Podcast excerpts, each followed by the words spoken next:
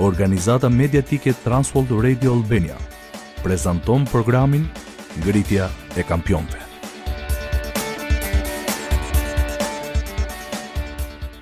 Nëse s'jemi martuar me mblesëri, shumë prej nesh arritën dikur në atë pikë të lidhjes ku përjetuan ditën e tmerrshme të takimit me prindërit e nuses së ardhshme.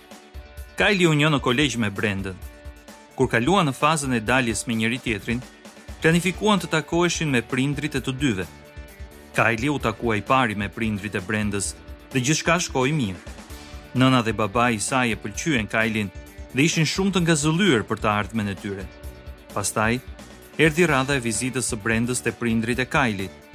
Kajli mendoi se gjërat shkuan mirë, por, ndonëse jeta në familjen e Brendës s'ishte e përsosur, ajo u trondit nga mënyra si e trajtonte babai i Kajlit të ëmën. Kështu do të më trajtojë dhe Kajli mua? vriste mendjen ajo. Mirë se vini në programin Ngritja e Kampionëve. Unë jam Albani dhe jam këtu me Pierinin. Nëse nusja e ardhshme e djalit tënd do të shihte se si e trajton ti gruan, A do të shihte një shembull të perëndishëm dashurie dhe mbështetjeje? Apo do të shihte ashpërsi dhe mungesë nderimi ose mbështetjeje? Shpresoj që nusja e ardhshme e djalit tënd të shohë Krishtin në marrëdhënien tënde me gruan.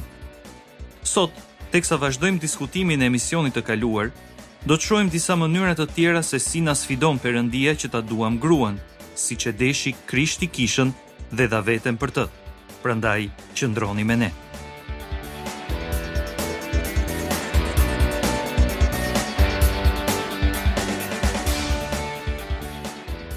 Pierin, në emisionin e fundit diskutuam se si Perëndia e ka krijuar gruan të ndryshme nga burri dhe se si këto dallime mund t'i përdorim për lavdinë e Perëndisë ose për të krijuar përçarje në familje.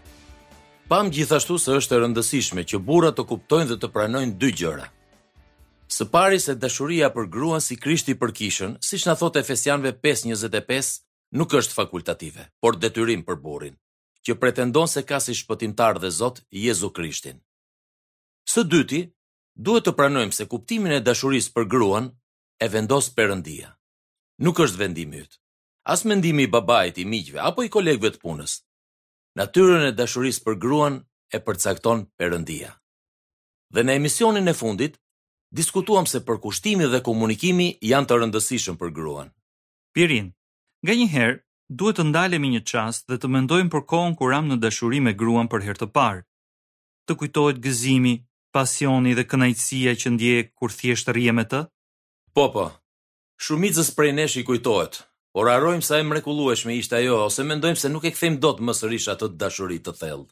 Por me ndihmën e Perëndisë mundemi. Miku im, nëse martesa jote po kalon vështirësi tani, jemi të lumtur që na u bashkove sot. Dhe të inkurajojmë që të dëgjosh dhe emisionin tonë me titull Përkushtimi dhe komunikimi në martesë. E gjen në faqen tonë championsarise.org. Ide shumë e mirë. Por një këshillë për të gjithë ne. Nëse s'i ke zbatuar këto parime të rëndësishme në martesë deri tani, gruas tënde mund t'i duhet një farë kohe që të besojë se ndryshimet që sheh në ty janë të vërteta edhe jo të përkohshme. Prandaj mos u dorëzo. Trego durim dhe vazhdo t'i kërkosh Perëndisë ndihmë. Po kështu është e vërtetë se përmirësimi në martesën tënde do të ndodhë më shpejt nëse të dy punoni së bashku që ta forconi martesën. Por si burra që jemi, Ne jemi thirrur të marrim nismën për këtë përmirësim. Ka burra që mendojnë se shpëtimi i martesës është detyrë e gruas? Nganjëherë po. Por mendoj se shumica dërmuese e burrave as nuk janë të vetëdijshëm për dallimet që ekzistojnë mes burrit dhe gruas, që i diskutuam në emisionin e kaluar. Po kështu, mendoj se këta burra e nënvlerësojnë sa të rëndësishme janë përpjekjet tona për Perëndinë. Profeti Malakia e shpjegoi pozicionin e Perëndisë në këtë gjë. Alban, a mund të lexosh të lutem Malakinë kapitulli dy vargjet trembëdhjetë deri në gjashtëmbëdhjetë? Patjetër. Malakia kapitulli dy vargjet trembëdhjetë deri gjashtëmbëdhjetë. Ju po bëni edhe këtë veprim tjetër, e mbuloni altarin e Zotit me lot, me të qara dhe vajtime, sepse nuk e shikon më me favor ofertën tuaj dhe nuk e pranon më me kënaqësi nga duart tuaja. Megjithatë ju thoni, Përse? sepse Zoti është dëshmitar midis teje dhe bashkëshortes së rinisë sate, ndaj së cilës je sjellë me pabesi, ndonëse ajo është shoqja jote dhe bashkëshorte e besëlidhjes sate. Por a nuk i bëri Perëndia një qenie të vetme dhe megjithatë fryma qëndroi në të? Po pse vallë një qenie të vetme? Sepse ai kërkonte një prejardhje nga Perëndia. Tregoni pra kujdes për frymën tuaj dhe askush të mos sillet me pabesi me bashkëshorten e rinisë së vet. sepse Zoti, Perëndia e Izraelit, thotë se ai e urren divorcin dhe atë që e mbulon me dhunë rrobën e vet, thotë Zoti i ushtrive. Tregoni pra kujdes për frymën tuaj dhe mos u sillni me pabesi. Faleminderit Alban. Në këto vargje, shohim se adhurimi ynë nuk pranohet nga Perëndia, nëse s'e trajtojmë gruan në mënyrë të perëndishme. Përfytyroje martesën e krishterë si trekëndësh. Në majë është Perëndia, kurse ti me gruan jeni përballë njëri-tjetrit në dy cepat e poshtëm. Për të krishterin, tri pikat e trekëndshit janë të ndërlidhura në mënyrë të tillë që marrëdhënia e mangët me gruan ndikon në marrëdhënien tënde me Perëndinë, ndërsa marrëdhënia e mangët me Perëndinë ndikon gjithmonë në marrëdhënien tënde me gruan. Por kur i afrohemi Perëndisë, kemi për t'iu afruar edhe gruas. Gruaja dëshiron shumë që t'i afrohesh. Siç e përmendëm në emisionin e kaluar, pamë disa mënyra si ta bëjmë këtë. Në ç'mënyrë tjetër mund ta forcojmë marrëdhënien martesore? Në librin Katër Përparësi, Doktor John Tolson dhe Larry Kreider, përpos përkushtimit dhe komunikimit, rendisin edhe përkujdesjen, si diçka shumë të rëndësishme për martesën. Bibla na porosit që të kujdesemi për gruan në dy kohë, edhe kur e ndjejmë, edhe kur nuk e ndjejmë për ta bërë këtë gjë. E di që duket sikur po ia hedh gjithë barrën burrit, por nëse tani do të ishim duke u folur grave, do t'u jepnim dhe atyre mënyra si ta ndihmojnë dhe respektojnë burrin, siç na porosit Pali në Efesianëve pesë tridhjetë e tre. Por tani po u flasim burrave. Ne po flasim me burrat në programin Ngritja e Kampionëve. Unë jam Albani dhe jam këtu me Pirinin. Pirin, të lutem, shpjego se ç'do të thuash me përkujdesjen? Dua të sigurohemi që të gjithë ta kuptojmë njësoj. Për ta kuptuar përkujdesjen, mendo për një djalë të vogël dhe për qenin e tij të sëmurë. djali kujdeset për qenin që të ketë ujë, të jetë ngrohtë edhe të hajë mirë. Dhe djali mendon se sakrifica e kohës dhe vëmendja që i kushton qenit ia vlen. Edhe ne duhet kujdesemi për gruan me të njëjtën zemër. Por tek e para e Pjetrit tre vargu shtatë thotë, Edhe ju burra jetoni me to, me gratë, me mençuri. Për t'u kujdesur për gruan duhet ta kuptojmë. Çfarë e ndihmon gruan tënde? Çfarë e inkurajon dhe e forcon? Ç'frikë dhe vështirësi ka? Si mund ta ndihmosh? Kur s'ua di përgjigjet këtyre lloj pyetjeve, duhet të pyesësh. Mendoj se pjesë e përkujdesjes është t'i lejojmë gruas të kujdeset për ne. Po. Edhe nganjëherë burrave s'u pëlqen kjo. Na duket si sjellja e mamasë me djalin, dhe krenaria na pengon që ta lejojmë gruan të kujdeset për ne. Sërish ajo që po themi këtu, shumë burrave mund t'u duket e vështirë. Prandaj na duhet fuqia e mbinatyrshme e Perëndisë për t'ia dalë. por kur mësojmë si të kujdesemi vërtet për gruan, kemi për të patur martesë shumë më të fortë. Përkujdesja ka katër pjesë.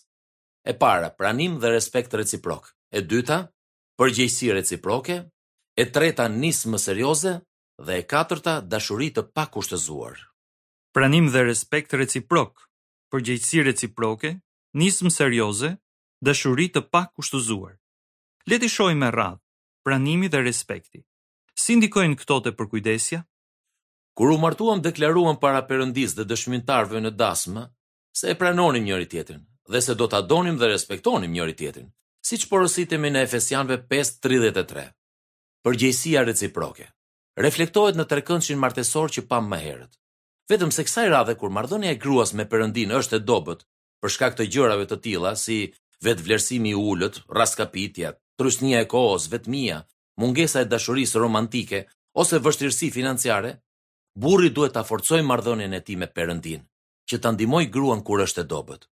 Dhe me shpresë nëse i tregojmë gruas se edhe ne po kalojmë vështirësi në diçka dhe ajo do të bëjë të njëjtën gjë me ne. Po nisma serioze? Përpjekja serioze mbledh gjithë burimet e disponueshme për ta mposhtur pengesën ose për ta përfunduar punën. Kur shikon se gruaja jote po kalon vështirësi, Zemra jote e dhembshur do bëjë gjithçka të mundur që ta ndihmojë. Ndërsa pjesa e katërt e enigmës së përkujdesjes është dashuria e pakushtëzuar.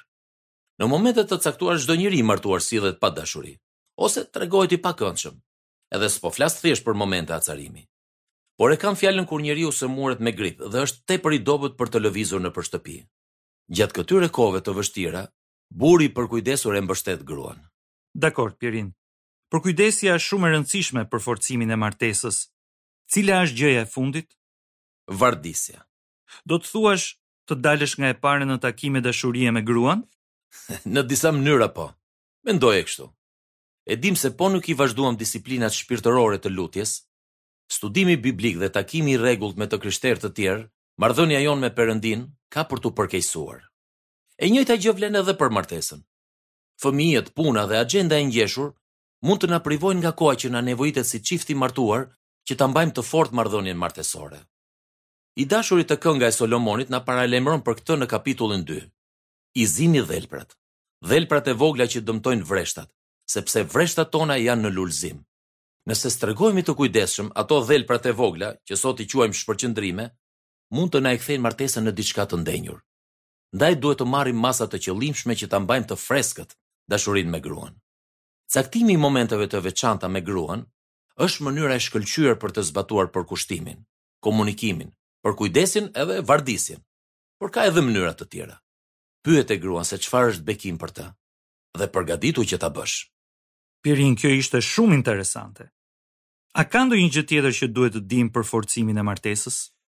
Përmendëm vetëm disa gjëra, por diçka e rëndësishme për t'u mbajtur mend është se shumë burra nuk kanë patur modele të mira për t'i ndjekur.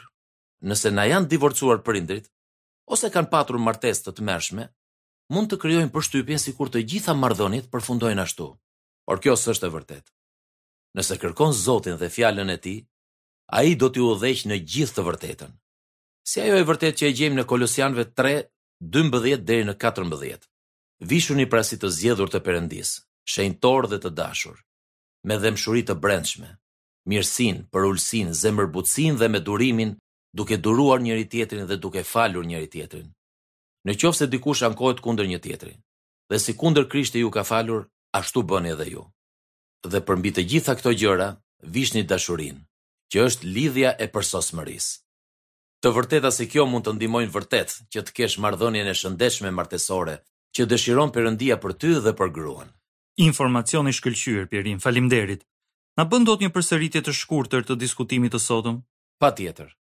Sot pamë se përkujdesja dhe vardisja mund t'i japin jetë martesës së vështirë dhe mund ta përmirësojnë martesën e mirë. Po kështu thamë se s'mund të jesh burrë i perëndishëm nëse nuk e do gruan si Krishti kishën. Të dyja këto shkojnë dorë për dorë. Po kështu pamë se Perëndia nuk na e pranon lutjen dhe adhurimin, nëse nuk po e nderojmë dhe nuk po e duam gruan. Faleminderit Pjerin, miku im. Nëse dëshiron martesë të shëndetshme, duhet të zbatosh ato që mësuam për përkushtimin, komunikimin e shëndetshëm, përkujdesjen e dhembshur dhe vardisjen e vazhdueshme. Këto hapa ndihmës janë të mundshëm për shumicën e burrave, mirëpo, për shkak se të gjithë jemi egoistë nga natyra, asnjë prej këtyre veprimeve nuk na vjen natyrshëm. Na nevojitet ndihma e Perëndisë dhe duhet që të punojmë në këtë aspekt përditë. Kështu që sot të sfidojmë që të jesh burrë i perëndishëm sipas mënyrës së Perëndisë.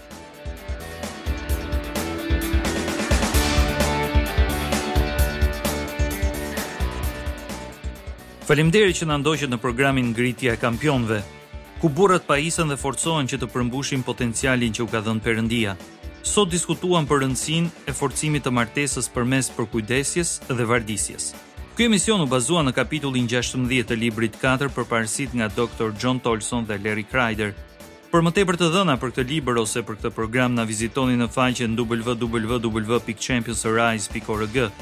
Na shkruaj një letër në Transworld Radio Albania kutia postare 130 Tiranë ose një email në adresën valëteungjillit@yahoo.com. Ne jemi Albani dhe Pjerini. Faleminderit që dëgjove programin Ngritja e Kampionëve. Perëndia të shndërroftë në burrin që ai e di se mund të bëhesh.